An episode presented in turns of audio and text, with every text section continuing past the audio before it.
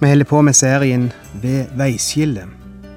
Og i den teksten vi skal høre i dag, møter vi Jesus eh, ved et veiskille som mange av oss har møtt, nemlig det vi kaller skam, eller skamfølelse.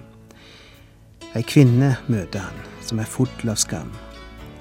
Teksten er altså fra Johannes 8, vers 2-11, og vi skal høre Per Christensen lese.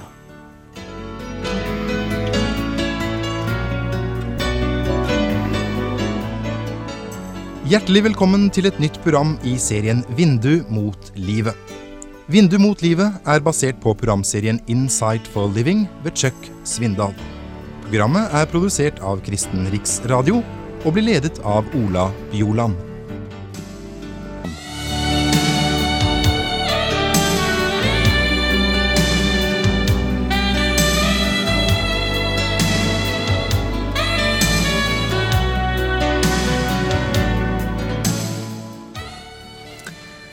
Når vi snakker om skam, som er dagens tema, så er det vel ikke så mange av oss som tenker på Jesus i den forbindelse.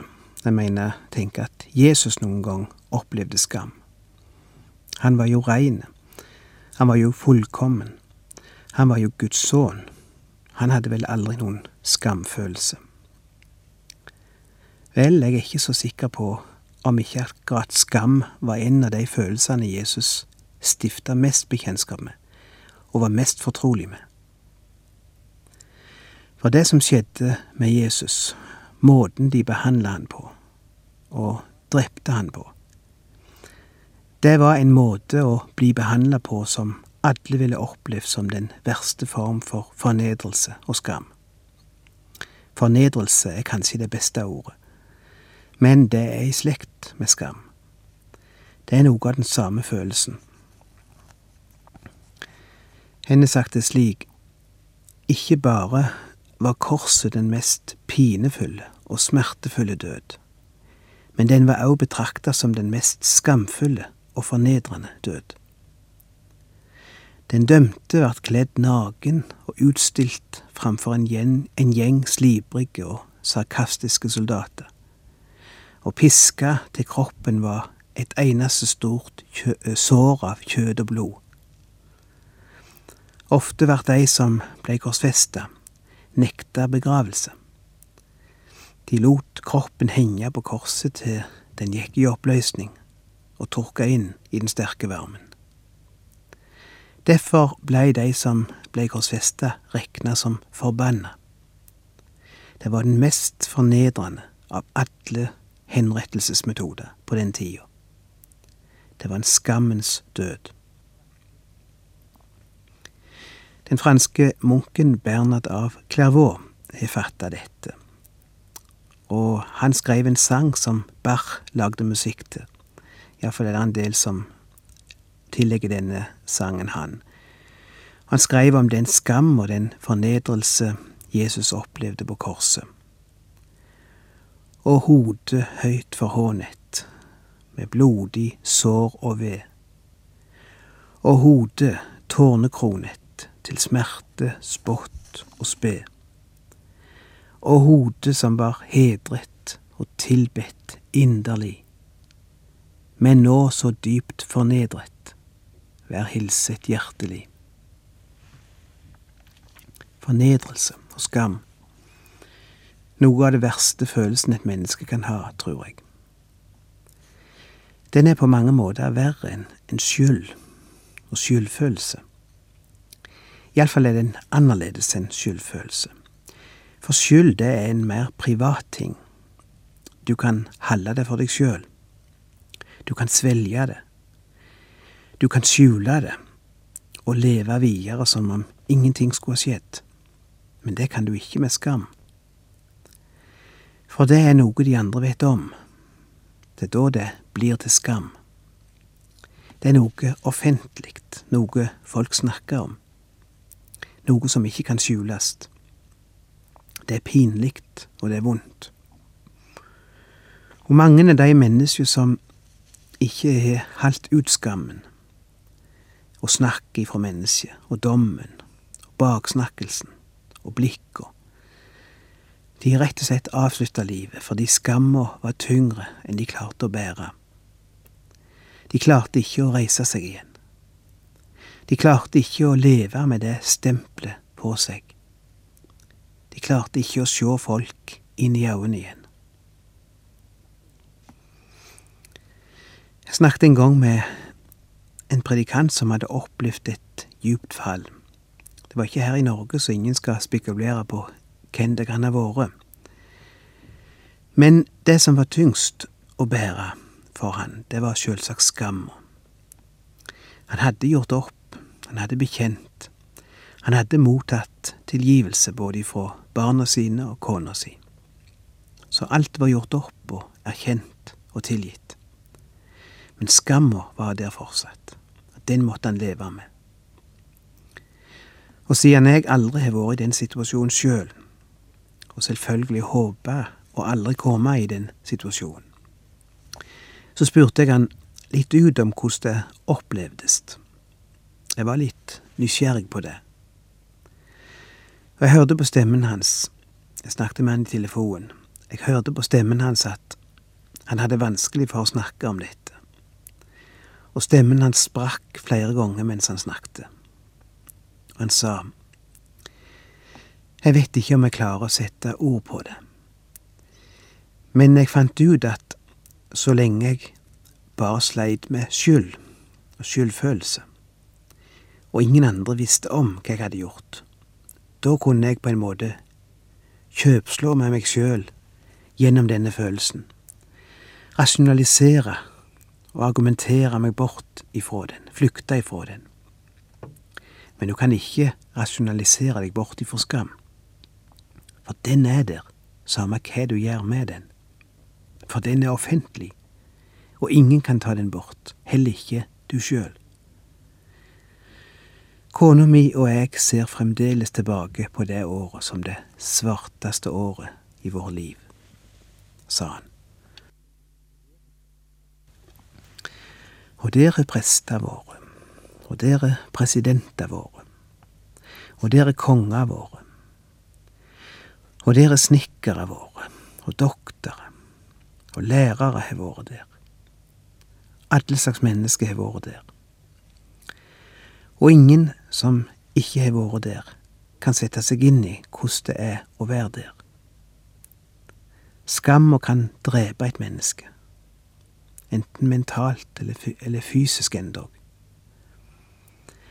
Jeg har sett mennesker som er blitt mentalt drept, så å si, på grunn av skam.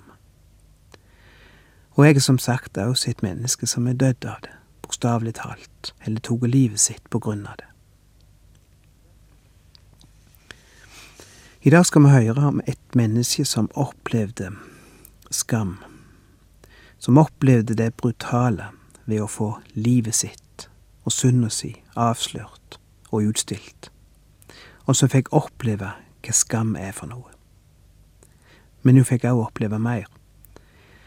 Hun fikk møte han som òg visste hva skam var, og som sjøl hadde opplevd det, og hun blei fri for skamma.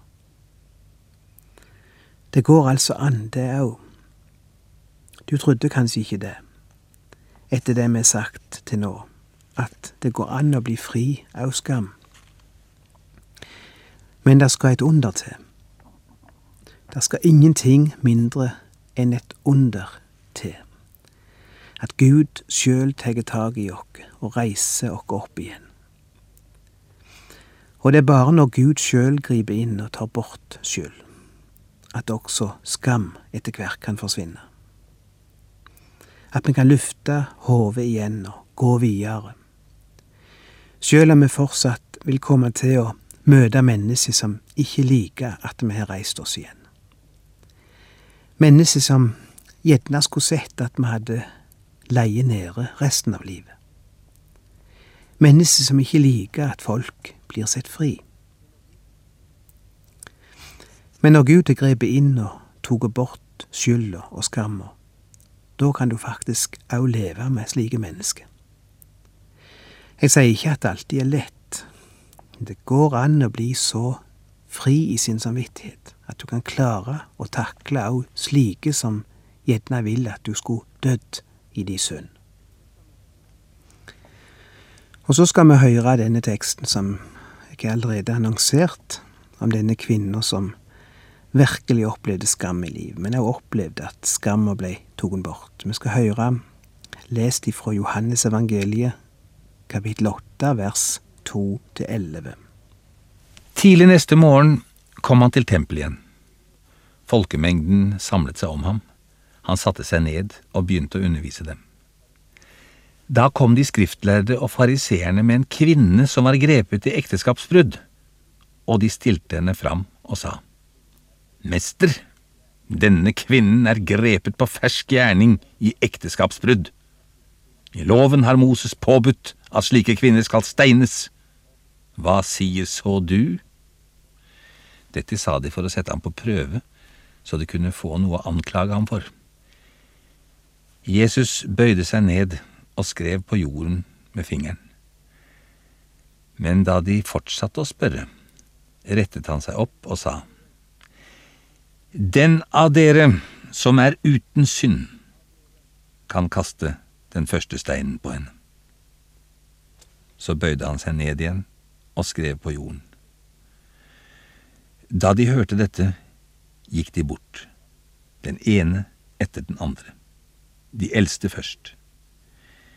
Til slutt var Jesus igjen alene med kvinnen som sto der. Da rettet han seg opp og spurte, Kvinne, hvor er De? Har ingen fordømt deg? Hun svarte, Nei, Herre, ingen. Da sa Jesus, Heller ikke jeg fordømmer deg. Gå bort og synd ikke mer fra nå av.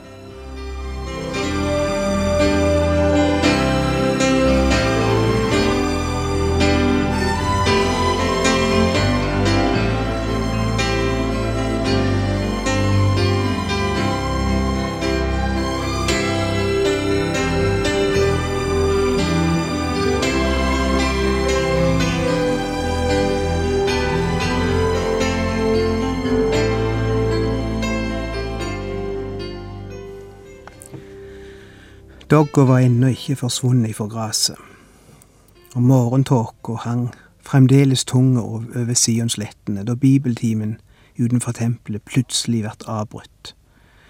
Avbrutt av noen mannfolk som kommer slepende på ei kvinne. Fariseerne og de skriftlærde blir de kalt. Det var de som gikk rundt med åndelig korsett, som en mann har uttrykt det. Ser du det ikke for deg? Åndelige korsett som gjør de ikke i stand til å gå naturlig. De som jobba natt og dag for å gjøre veien smalere og porten trangere. De var ikke fornøyd med slik som Gud hadde lagd veien. Og Guds ord sier at veien er smal og porten er trang. Men den var ikke trang nok for fariseerne, og veien var ikke smal nok, derfor bygde de den enda smalere og enda trangere. Og derfor hata de òg Jesus. Fordi han løste opp disse korsettene som fariseerne hadde bundet kring folk. Og han gjorde folk i stand til å gå, naturlig og fritt. Og derfor setter de ut snare for han.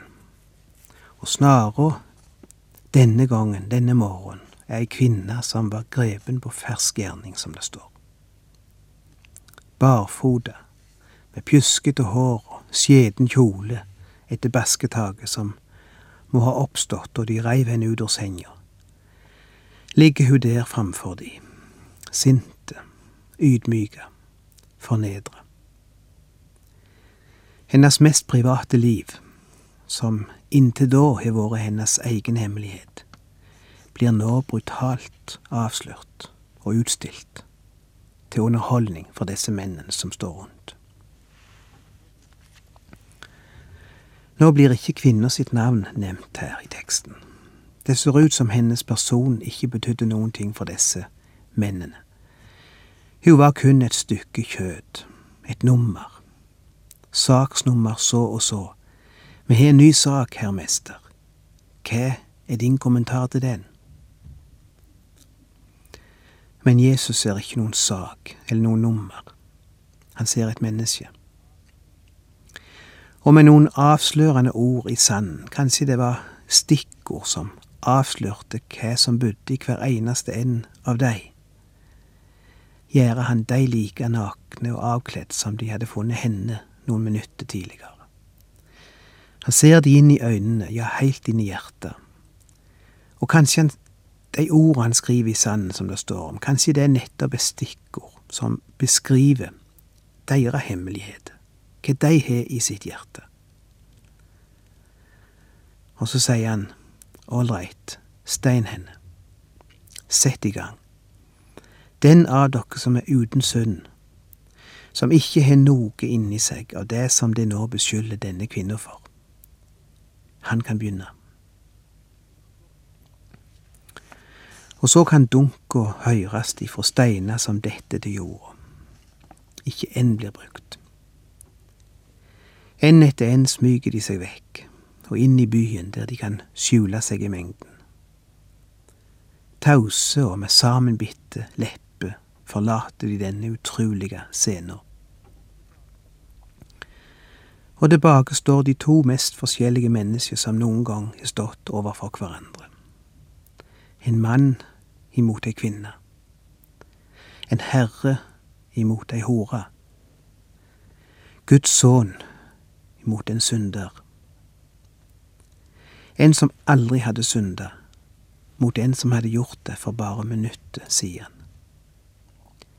En som hadde retten til å dømme, mot en som fortjente å bli dømt. Og der ble bygd en bru mellom de. Hun får ikke høre ett dommens ord ifra Jesus. Ikke et eneste. De som ville dømme henne, kunne ikke. Han som kunne, ville ikke. Var hun skyldig? Ja visst. Vart hun dømt? Nei. Det er evangeliet.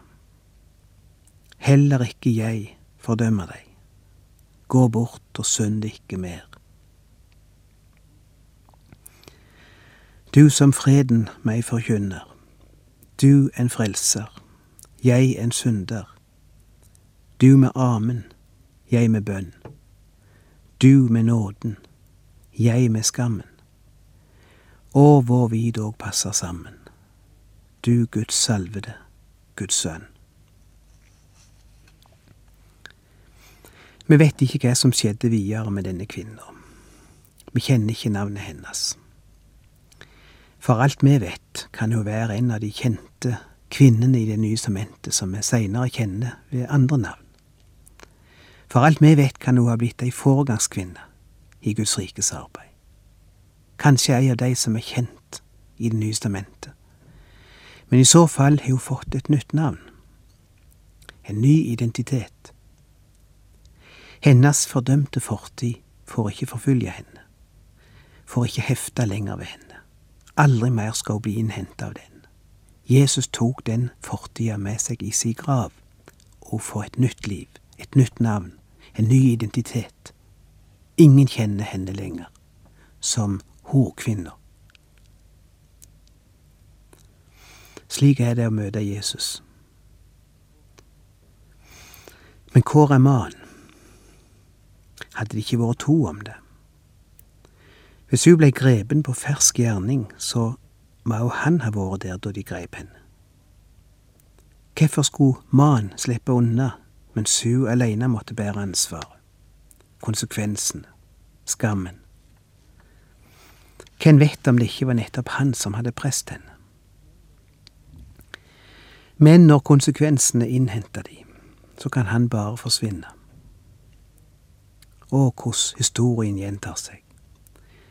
Å, hvor godt vi kjenner igjen dette mønsteret. Tilbake sitter kvinner, ofte, aleine, aleine med konsekvensen. aleine med ydmykelsen, aleine med skammen, aleine med barnet, kanskje eller med aborten, eller med skylda. Og inne i Jerusalems gate spaserer han fri og frank, på leiding etter nye nummer. Og dog er han ikke fri, for rollene vil bli bytta om. Han som tror han slapp unna, kommer til å bli jakta av skyld, inntil den innhenter han en dag igjen. Mens hun som måtte bære alt aleine, hun slipper å bære lenger. For hun er kommet til den plassen der skyld blir sona. Hun er kommet til den plassen der steinene faller, der anklagen blir taus. Hvor lykkelig denne morgenen enda for denne kvinna til slutt. Hun er kommet inn i en ny verden. En verden som kalles for syndsforlatelsens verden.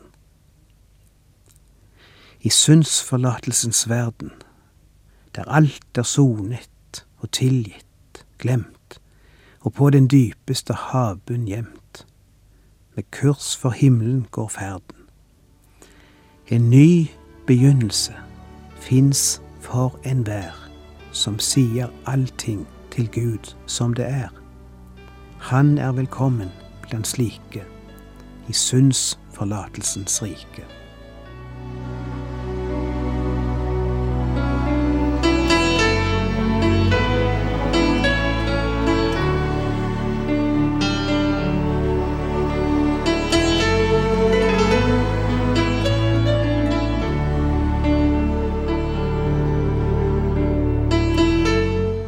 Du har lytta til Ola Bjoland i serien 'Vindu mot livet' fra Kristen Riksradios arkiv.